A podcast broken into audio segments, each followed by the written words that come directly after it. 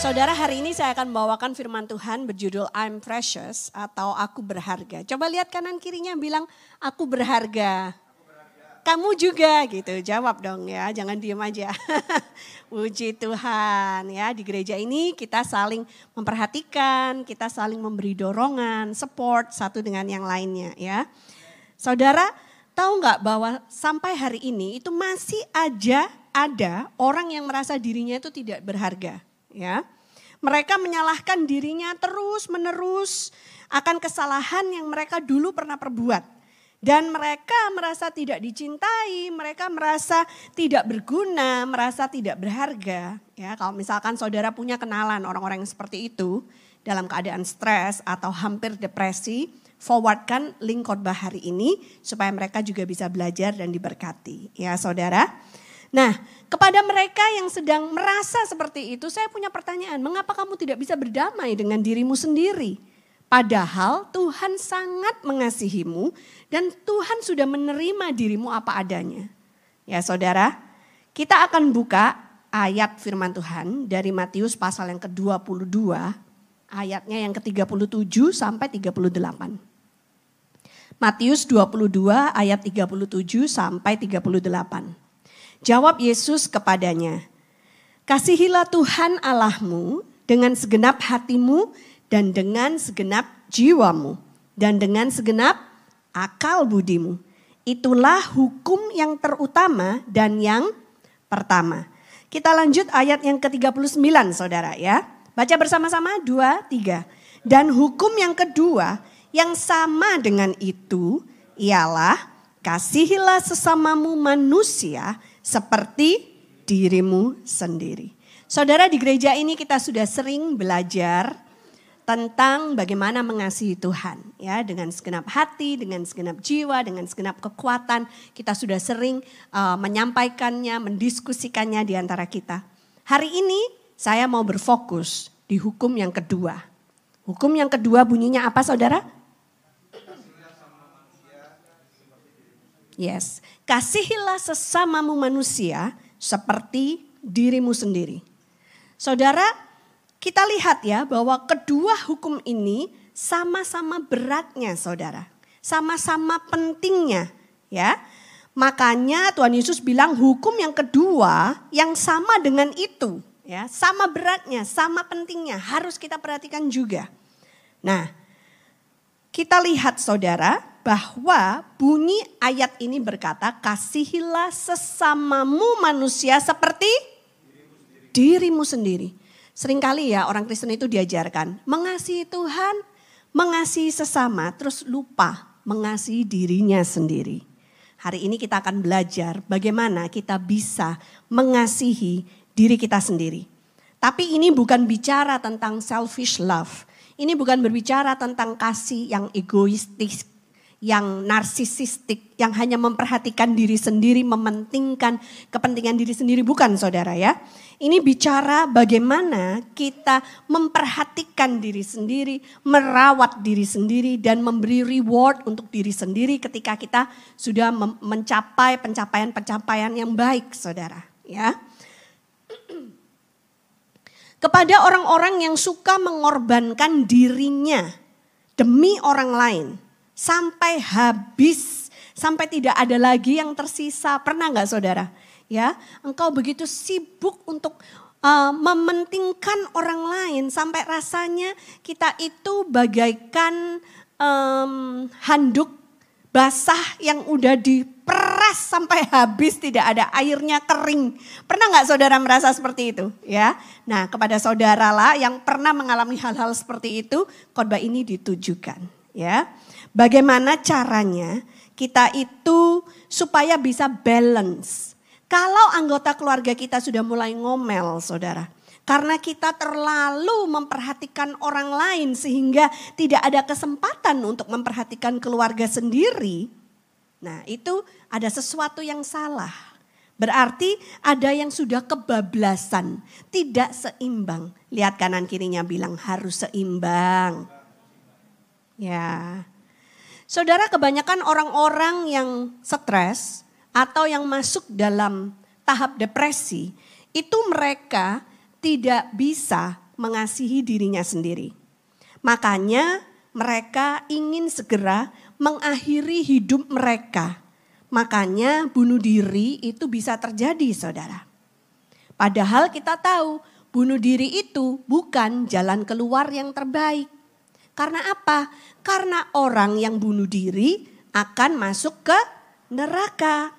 Tuhan tidak suka dengan orang yang bunuh diri karena kita tidak berhak untuk mengambil hidup kita sendiri yang mana hidup ini diberi suatu pemberian yang luar biasa dari Tuhan. Nah, tapi juga orang-orang yang ditinggalkan mereka akan hidup dengan perasaan bersalah seumur hidup mereka. Apakah cintaku tidak cukup untuk membuat engkau bertahan? Gitu loh saudara. Seumur hidup mereka akan hidup dalam rasa bersalah.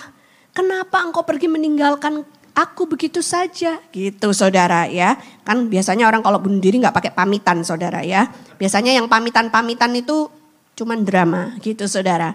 Ya, tapi kalau yang benar-benar niat itu langsung hilang gitu. Nah itu benar-benar rasa sakitnya itu loh saudara, lukanya itu dibawa sepanjang orang-orang yang dicintai ini masih hidup saudara ya. Nah saya percaya bahwa alasan mengasihi diri sendiri ini jarang diajarkan di gereja-gereja adalah karena rasa takut. Tidak mau menciptakan umat Tuhan yang kemudian hanya mencintai dirinya sendiri. Narsis seperti yang saya bilang tadi itu saudara ya. Selfish atau egois gitu. Hanya mementingkan dirinya sendiri. Karena memang uh, kalau keegoisan itu adalah dosa saudara. Dan kita semua pasti pernah mengalami pergumulan seperti itu. Bagaimana kita harus mengalahkan diri kita sendiri. Nah tapi kalau kita berpikir bahwa mengasihi diri sendiri itu tidak penting, itu juga salah saudara. Ya, jadi ini ada dua ekstrim. Ekstrim yang pertama adalah orang-orang yang mengorbankan dirinya sampai habis, gak pernah mikirin dirinya sendiri. Ekstrim yang kedua adalah orang-orang yang mencintai diri sendiri, terlalu egoistik, gak pernah mikirin orang lain. Nah, jangan ditarik ke sisi ekstrim yang satu atau ke sisi ekstrim yang lainnya. Tapi hari ini kita mau belajar, hari ini kita mau mengulik tentang self love, mengasihi diri sendiri yang sehat dan seimbang. Yang mau katakan yes. Amin saudara. Haleluya ya. Nah karena apa? Kalau kita tarik ke sisi ekstrim berikutnya yang egoistik itu saudara. Tuhan juga nggak suka dengan orang-orang yang seperti itu. Buktinya di 2 Timotius pasal yang ketiga ayat pertama sampai lima itu ditulis seperti ini saudara. Kita baca bersama-sama ya. Dua, tiga. Ketahuilah bahwa pada hari-hari terakhir akan datang masa yang sukar manusia akan mencintai dirinya sendiri dan menjadi hamba uang. Mereka akan membual dan menyombongkan diri. Mereka akan menjadi pemfitnah. Mereka akan berontak terhadap orang tua dan tidak tahu berterima kasih, tidak mempedulikan agama, tidak tahu mengasihi, tidak mau berdamai, suka menjelekkan orang, tidak dapat mengekang diri, garang, tidak suka yang baik, suka mengkhianat, tidak berpikir panjang, berlagak tahu, lebih menuruti hawa nafsu daripada menuruti Allah. Secara lahiriah mereka menjalankan ibadah mereka, tetapi pada hakikatnya mereka memungkiri kekuatannya. Jauhilah mereka itu. Amin saudara. Ya, jadi Tuhan juga nggak berkenan dengan orang-orang yang cuma memikirkan dirinya sendiri. Jadi kita mau belajar bagaimana mengasihi diri sendiri secara sehat, secara seimbang. Contoh kasus saudara ya. Ini ada saya siapkan beberapa contoh kasus. Ketika ada orang merasa dirinya tidak cukup, ya, tidak cukup pintar, tidak cukup ganteng, tidak cukup cantik, tidak cukup kaya, ya, tidak cukup macam-macam saudara. Tidak cukup uang, ya mungkin juga termasuk juga di dalamnya gitu saudara ya. Merasa dirinya tidak cukup. Nah, orang yang tidak mengasihi dirinya sendiri, perhatikan. Mereka akan menyalahkan dirinya sendiri, menyalahkan orang tuanya, menyalahkan Tuhan. Ya kan? Misal, oh iya aku memang goblok gitu. Memang aku tidak bisa mengerjakan soal-soal matematika yang mudah ini misalnya buat yang murid-murid saudara ya. Lalu setelah itu merembetnya ke mana? Merembetnya ini gara-gara aku mewarisi gen yang gak baik dari orang tuaku. Orang tuaku juga bodoh memang dalam pelajaran. Makanya sekarang aku jadi anak yang bodoh. Ya kan?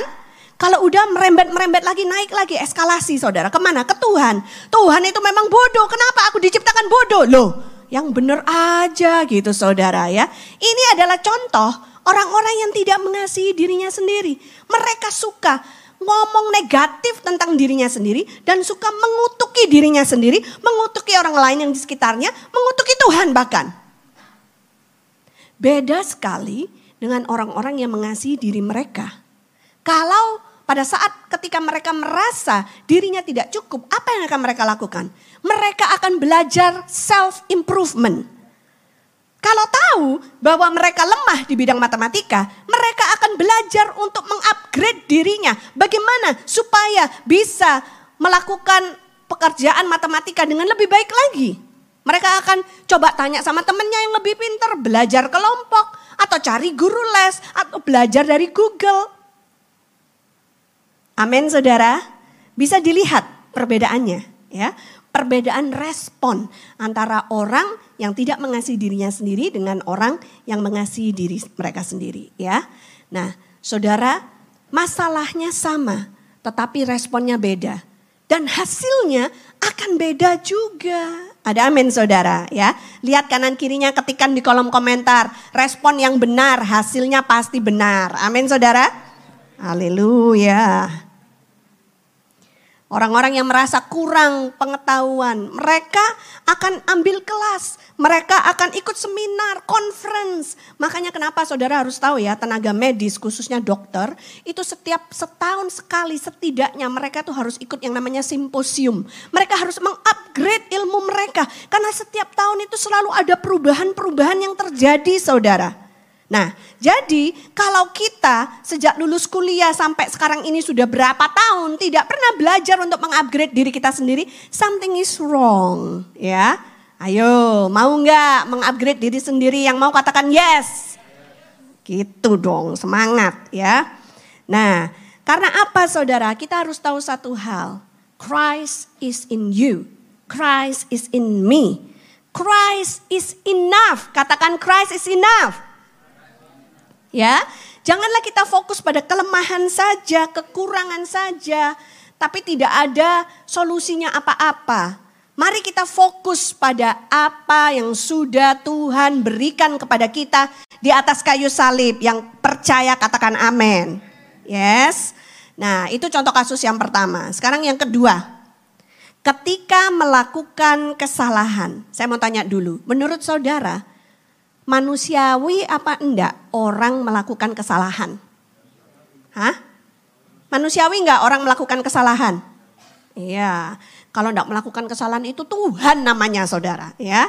Kalau manusia itu normal, wajar melakukan kesalahan. Tapi respon dari orang-orang yang tidak mengasihi dirinya sendiri itu bisa ekstrim saudara ya. Ketika melakukan kesalahan, mereka bersikap keras kepada diri mereka sendiri. Mereka tidak bisa mengampuni diri mereka sendiri. Mereka marah, mereka mengutukin dirinya sendiri. Ada yang seperti itu, Saudara. Ya. Nah, ini pertanyaannya, kenapa kamu tidak bisa mengampuni dirimu sendiri? Padahal Tuhan Yesus itu sudah mati di atas kayu salib untuk menebus dosamu dan mengampuni semua kesalahan, pelanggaran, dosa-dosa yang engkau buat. Ada amin saudara. Kalau kau mengaku dirimu orang Kristen dan kau sudah tahu arti pengampunan dosa, kenapa engkau masih tidak bisa mengampuni dirimu sendiri padahal Tuhan sudah mengampuni dosa-dosamu? Dan dikatakan di Alkitab Tuhan sudah buang dosa kita, pelanggaran kita sejauh timur dari barat saudara. Amin. Sudah dibuang ke tubir-tubir laut dan Tuhan tidak mengingatnya lagi. Kenapa kau masih ingat-ingat? Kenapa kau masih gali-gali terus dosa yang lama, kesalahan yang lama, kau tidak bisa mengampuni dirimu sendiri. Ini kadang-kadang buat cewek-cewek yang dibohongin sama pacarnya ya kan. Cewek biasanya gitu saudara ya. karena lugu, karena naif, gampang banget dibohongin sama cowok gitu kan ya. Semakin cowoknya berpengalaman semakin gampang bohongin cewek cewek lugu gitu saudara ya. Lalu apa yang terjadi? Sakitnya tuh loh, sakit hatinya tuh dibawa sampai hari ini. Susah untuk move on gitu kan saudara ya.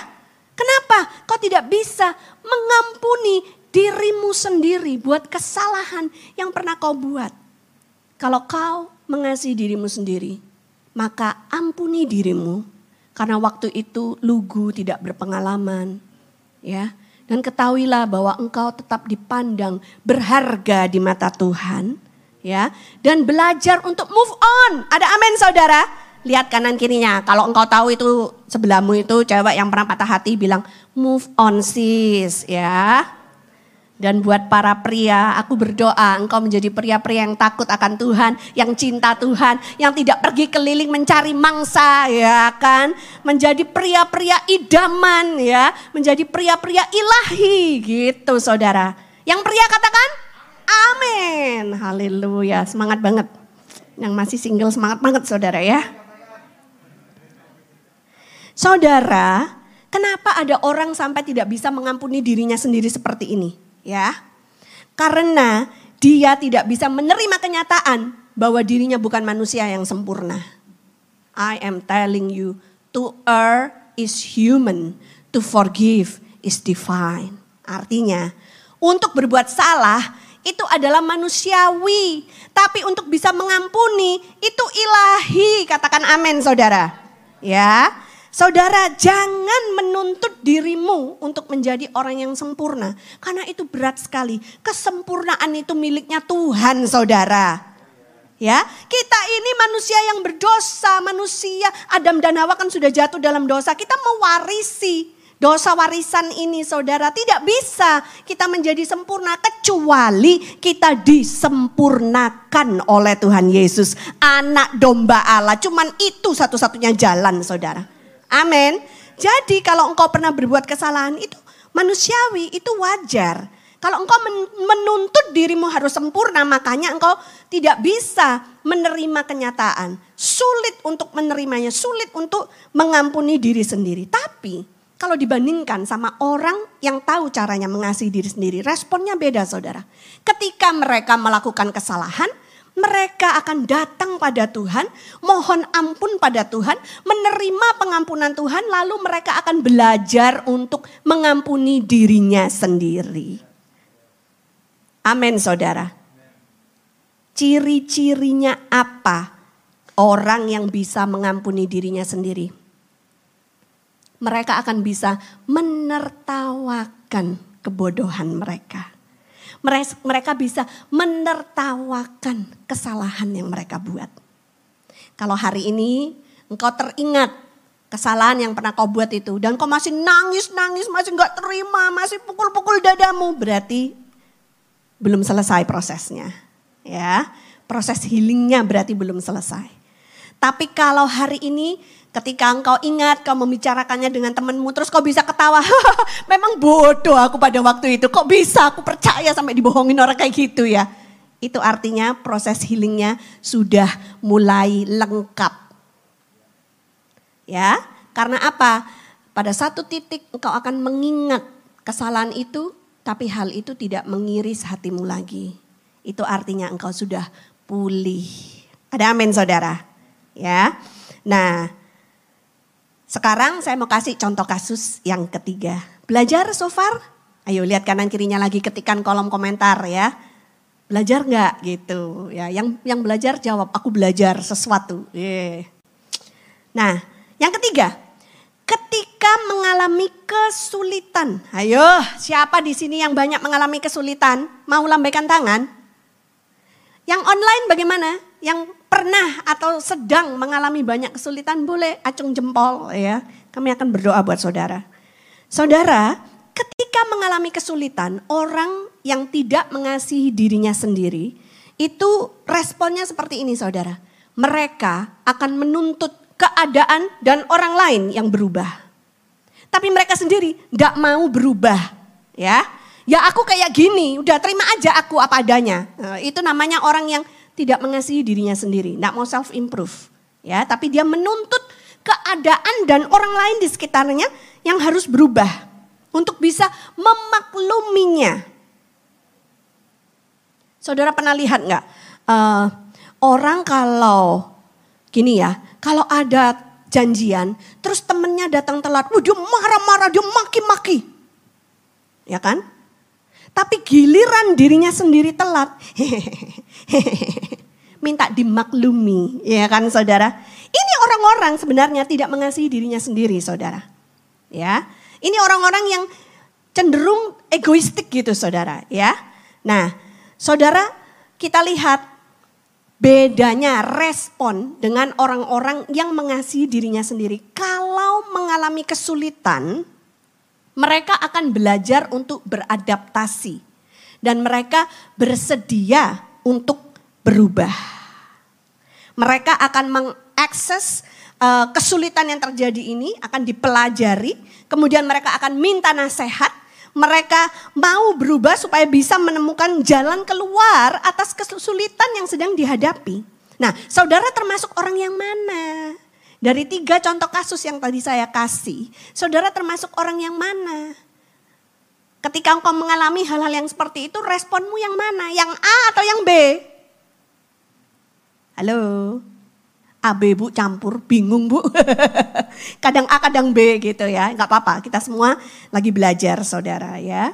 Nah, saya akan lanjut.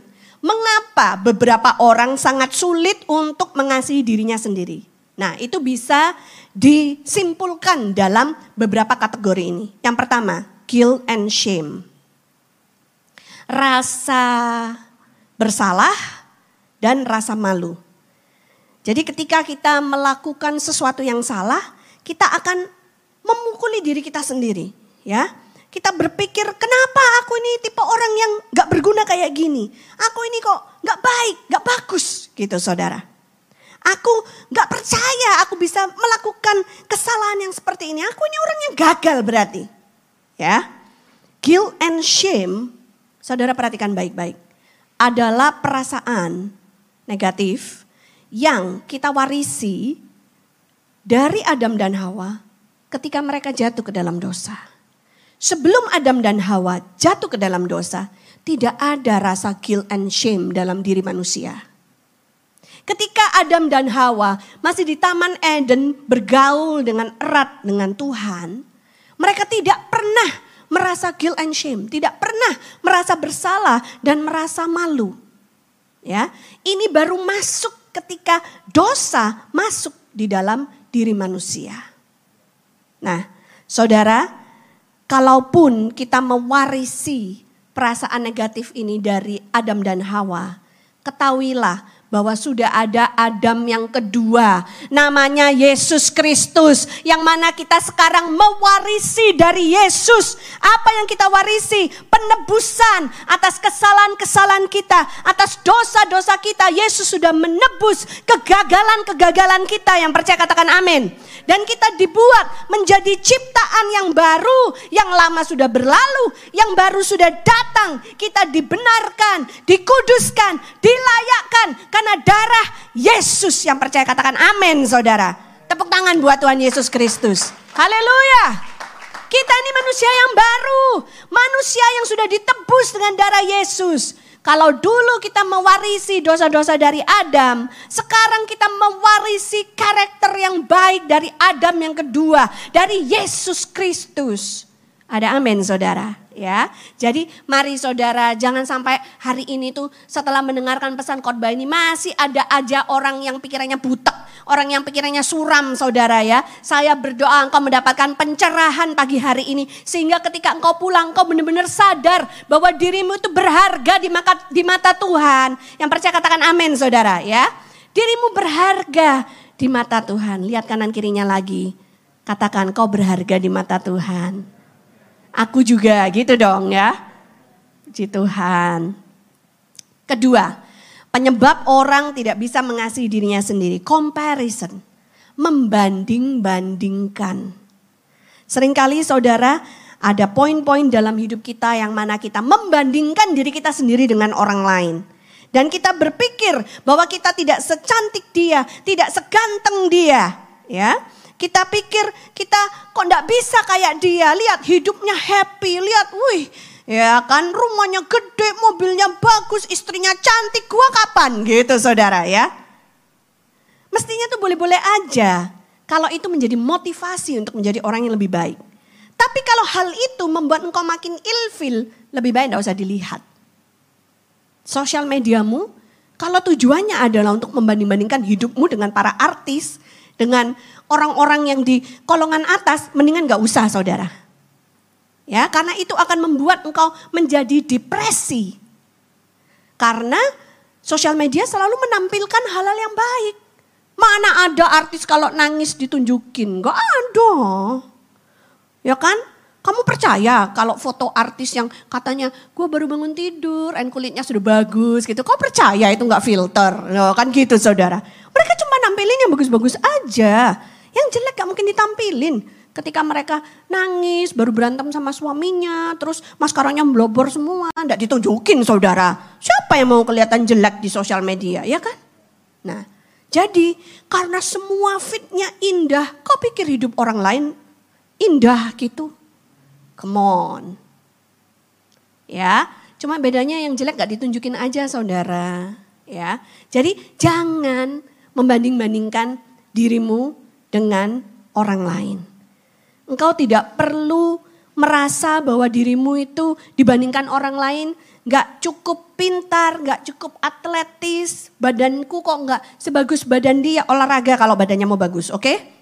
Nah, saudara, lalu kita membuat konklusi tentang apa yang dianggap masyarakat itu cantik atau penting. Saya mau kasih tahu ya satu hal saudara. Tidak selamanya yang namanya mayoritas itu benar. Jangan dipikir opini masyarakat mayoritas itu selalu benar. Karena masyarakat kita juga manusia biasa, manusia yang juga penuh dengan dosa, gitu kan saudara? Yes? Opini siapa yang terbenar? Opini Tuhan lah, pencipta kita. Amin saudara. Jadi kita mau selalu check and recheck dengan apa yang dikatakan oleh Bible, saudara. Kalau Anda ingin tahu siapa dirimu di dalam Tuhan, baca Bible. Bandingkan dengan apa yang Bible katakan, bukan dengan apa yang dunia katakan. Yang mau katakan yes, yes. Nah, karena setiap orang diciptakan unik. Salah satu value di gereja kita anugerah, ya kan? U-nya itu adalah usefully unique. Artinya apa? Unik yang berguna. Setiap kita diciptakan unik dan berguna. Setiap kita punya peran yang tidak bisa diisi oleh orang lain. Ataupun kalau diisi oleh orang lain nggak pas gitu rasanya. Ada yang kurang gitu. Karena cuma kita yang bisa memberikan warna seperti itu. Karena cuma kita yang bisa memberikan rasa seperti itu. Karena kita unik. Ada amin saudara, ya. Nah, jadi saudara kita lihat poin yang berikutnya ya. Poin yang berikutnya, kenapa ada orang yang tidak bisa mengasihi dirinya sendiri? Lies. Kebohongan. Tipu daya iblis. Ya, dalam hidup ini mungkin ada pernah kejadian orang ngomongin sesuatu, mengkritik kita. Dan orang itu mungkin orang yang dekat sama kita, ya katakanlah orang tua kita atau guru di sekolah atau teman baik kita ngomong sesuatu yang menyakiti kita, ya, ngata-ngatain kita. Terus kita percaya bahwa kita memang seperti yang mereka katakan. Ah kamu tuh, kamu tuh gak pinter, kamu gak akan bisa untuk mencapai apa-apa dalam hidup ini kamu sampai besar nanti pasti nggak jadi orang yang benar gitu. Pasti nggak jadi orang katanya. Kamu besok kalau gede nggak bakal jadi orang. Berarti waktu kecil apa ya? Bukan orang. Eh, tahu apa? Kadang-kadang istilah bahasa Indonesia ini membingungkan ya. Kalau udah gede mau mau jadi apa? Mau jadi orang. Lah sekarang bukan orang. ya saudara. Nah, atau mungkin itu cara iblis untuk mengecoh saudara. Supaya saudara percaya pada kebohongan-kebohongan ini yang dilemparkan pada dirimu. Sehingga engkau merasa tidak berguna, merasa tidak berdaya, merasa ke, kecil, merasa tidak mampu untuk melakukan perkara-perkara yang hebat, perkara-perkara yang besar di dalam hidup kita. Padahal Yesus itu sudah berpesan bahwa murid-muridku akan melakukan perkara-perkara yang lebih besar dari apa pun yang pernah aku lakukan. Murid Yesus, lambaikan tangan. Engkau akan melakukan perkara yang lebih besar dari apa yang Yesus pernah lakukan di atas muka bumi ini. Yang percaya katakan amin. Haleluya. Kalau mau tepuk tangan, tepuk tangan yang kenceng buat Tuhan Yesus. Jangan separuh-separuh saudara ya. Nah, saudara, hari ini engkau yang sedang menonton, sedang depresi, selama ini engkau mempercayai kebohongan-kebohongan yang dilemparkan kepadamu. Sehingga engkau berpikir demikian negatif tentang dirimu sendiri. Ya, sehingga engkau mulai berbicara negatif kepada dirimu sendiri. Sadari saudara bahwa ini adalah kebohongan-kebohongan dan gantikan kebohongan-kebohongan ini dengan kebenaran. Ya, kebenarannya apa? Kebenarannya bisa kau temukan di dalam Alkitab. Apa yang dikatakan Tuhan tentang engkau? Siapa dirimu yang sebenarnya? Saudara saya berkhotbah seperti ini, saya juga punya pengalaman. Pernah masuk dalam tahap depresi. Pernah suicidal, pengen bunuh diri. Dan saya pun harus melatih diri saya sendiri apalagi setelah ditangkap oleh Tuhan Yesus menjadi anak Tuhan sejak usia 13 tahun sampai hari ini aku sudah 47 tahun, aku tidak malu mengakui umurku ya. Tak apa-apa, tanya aja sama aku umurnya berapa ya saudara. Berarti sudah berapa? 30 berapa? 34 tahun aku mengikut Tuhan ya kan saudara. Aku melatih diriku untuk punya metanoia, pembaharuan budi. Bahwa bukan kebohongan-kebohongan itu yang harus aku percayai. Kebohongan-kebohongan yang dulu aku percayai itu seperti apa? Ah, aku ini memang gak layak dikasihi. Aku ini memang gak bagus. Lebih baik aku mati aja daripada ngabisin beras di dunia ini. Masa aku pernah berpikir seperti itu loh remaja? Ya kan? Percaya kepada kebohongan yang iblis lemparkan kepadaku. Kalaupun aku mati, gak mungkin ada orang yang akan nangisin aku. Saking merasa tidak dicintai. Tetapi kebenaran yang aku temukan di dalam Yesus. Membukakan mata hatiku. Membuat cara berpikirku berubah. Ada amin saudara ya. Sehingga hari ini I know my self-worth in Jesus. Aku tahu keberhargaan diriku di dalam Yesus.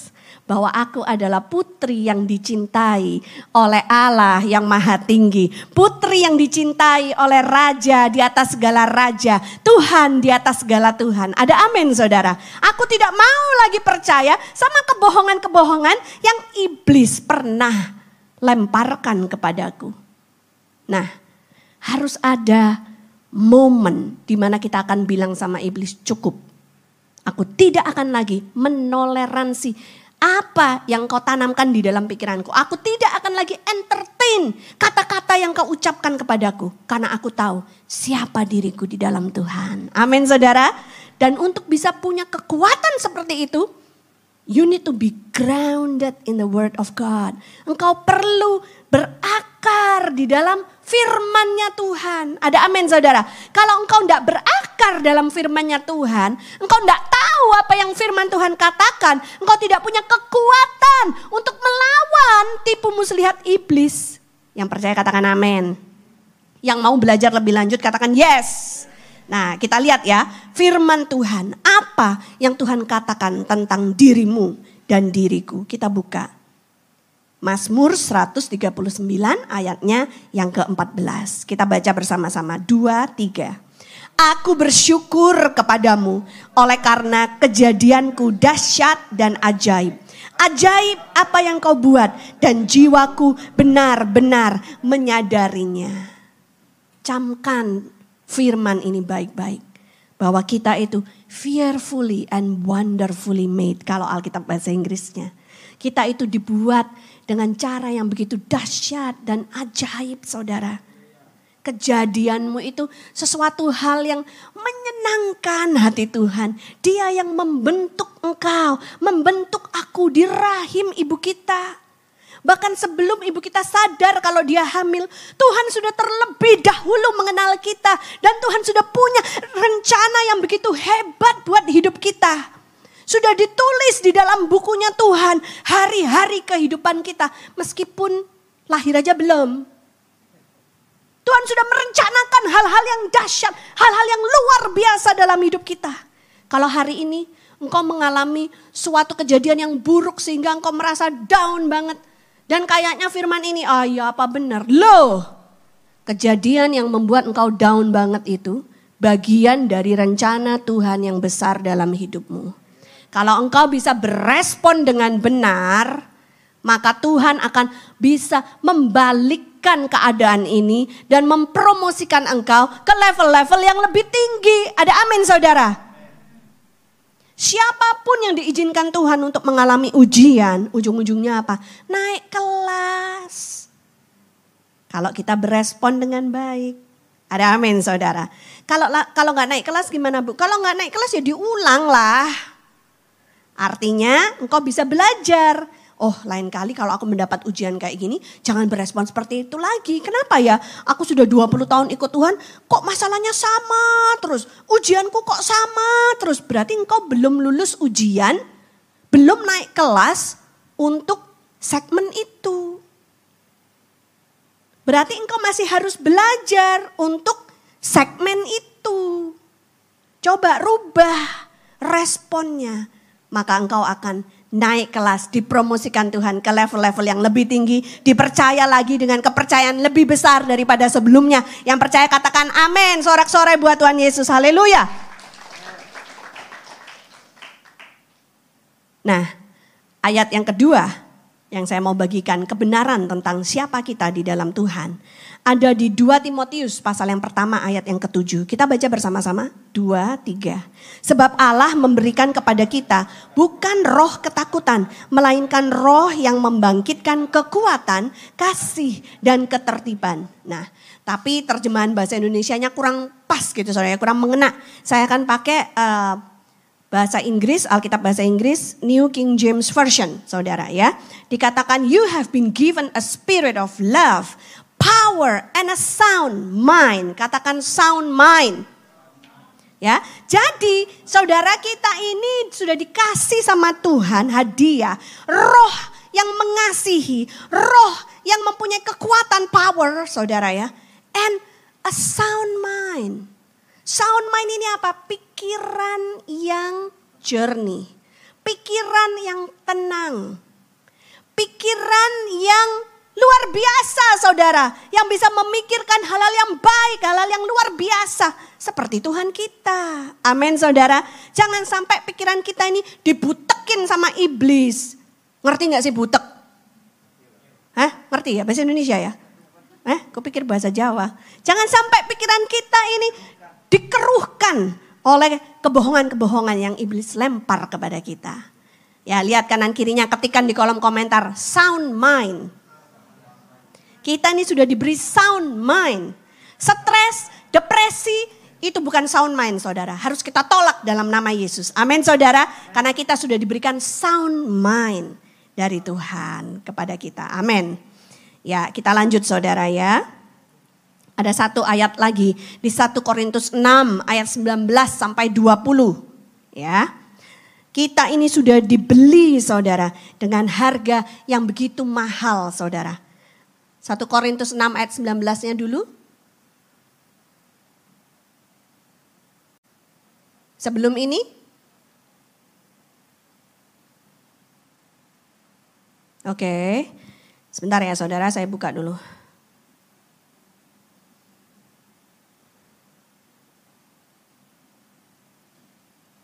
Satu Korintus 6 ayat 19 sampai 20. Oke, kita baca bersama-sama boleh? Dua, tiga. Atau tidak tahukah kamu bahwa tubuhmu adalah bait roh kudus yang diam di dalam kamu. Roh kudus yang kamu peroleh dari Allah.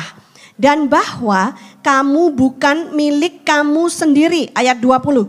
Sebab kamu telah dibeli dan harganya telah lunas dibayar. Karena itu muliakanlah Allah dengan tubuhmu. Berapa banyak di antara saudara yang percaya bahwa engkau sudah dibeli dan harganya lunas dibayar oleh Tuhan Yesus. Yang percaya katakan amin. Tidak lagi kita berada dalam genggaman iblis. Tidak lagi iblis punya pengaruh dalam hidup kita. Kita sudah dibebaskan, kita sudah dimerdekakan, kita sudah dibayar dengan harga yang sangat mahal loh saudara. Bukan dengan emas dan perak, bukan dengan dolar, bukan dengan euro. Tapi dengan darah anak domba Allah. Tuhan Yesus rela mati di atas kayu salib. Putra mahkota surga itu turun ke bumi. Memberikan nyawanya untuk membayar dosamu dan dosaku.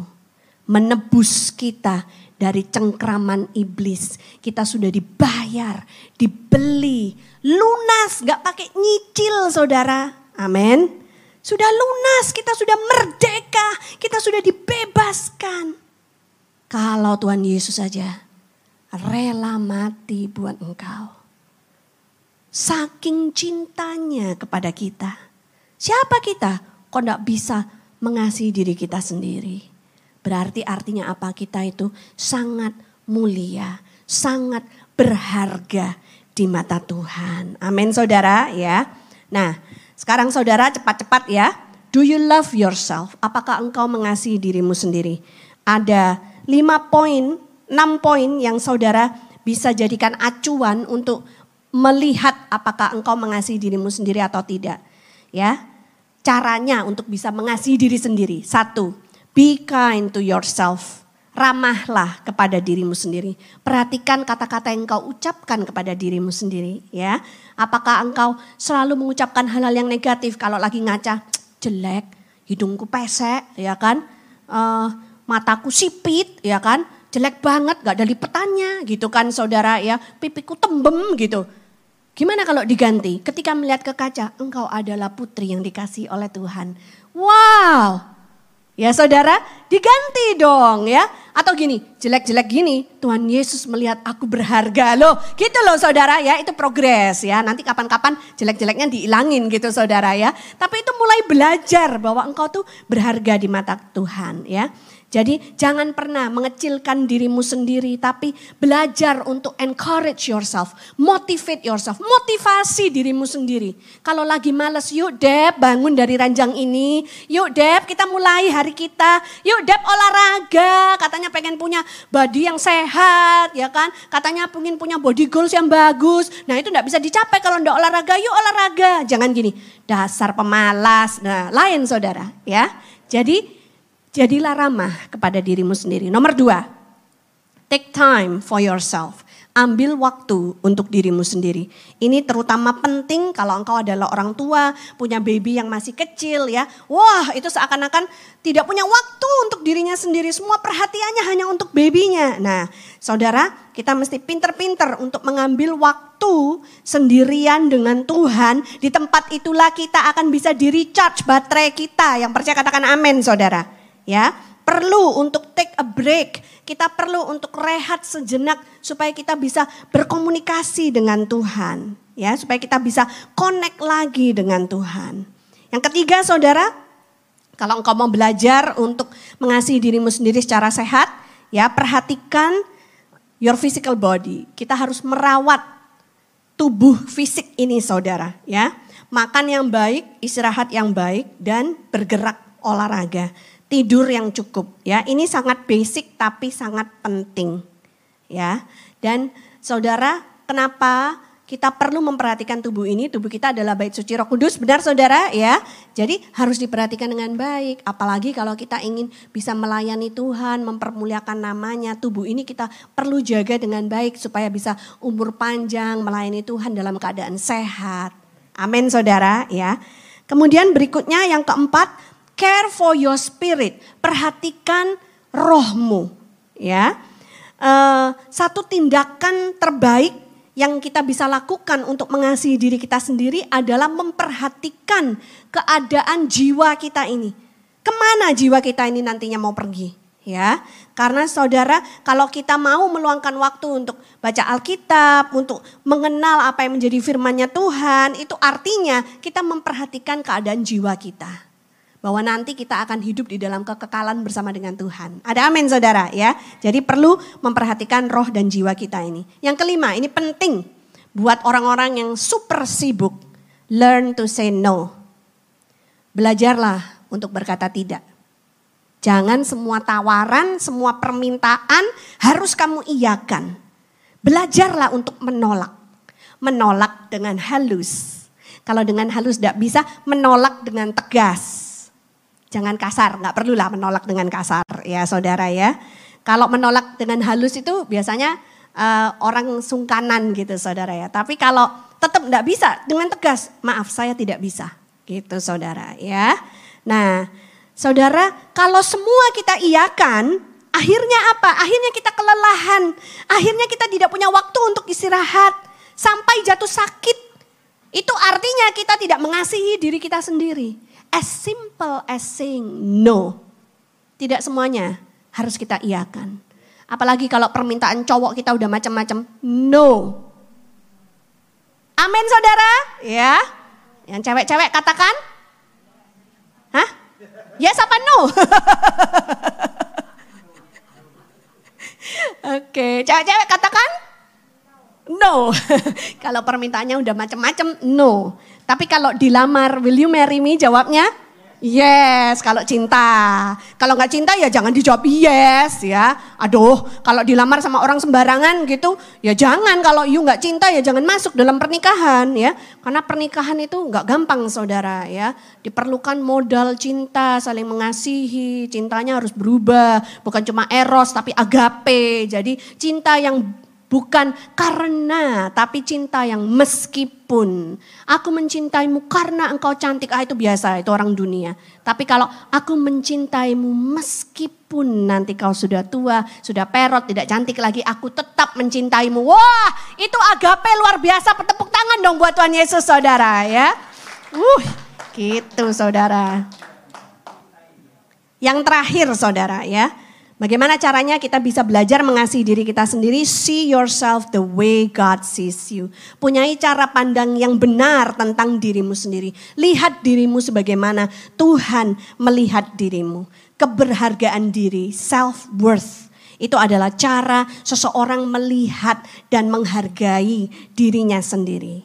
Ya saudara, kita Ingat bahwa ketika kita masih berdosa, ini ayat pembukaan tadi pagi yang dibacain Yeskel saudara ya. Yesus itu sudah memilih untuk mati buat kita. Itu keberhargaan diri kita. Ya, keberhargaan diri kita itu terjadi bukan karena kita memang baik, bukan karena kita memang layak dicintai, tapi karena apa yang sudah Yesus lakukan bagi kita. Ada amin saudara, ya. Saya tutup dengan satu ayat ini, saya undang pemain musik kembali ke depan. Satu Yohanes ayat 3, satu Yohanes pasal 3 ayat yang pertama. Lihatlah betapa besarnya kasih yang dikaruniakan Bapa kepada kita. Sehingga kita disebut anak-anak Allah. Dan memang kita adalah anak-anak Allah. Karena itu dunia tidak mengenal kita sebab dunia tidak mengenal dia. Saya undang saudara bangkit berdiri. Kita ini anak-anak Allah. Kita itu demikian berharga sampai Yesus rela mati buat kita, memulihkan hubungan kita dengan Bapa dan posisi kita yang dulunya dikutuk, sekarang kita menerima kasihnya Tuhan.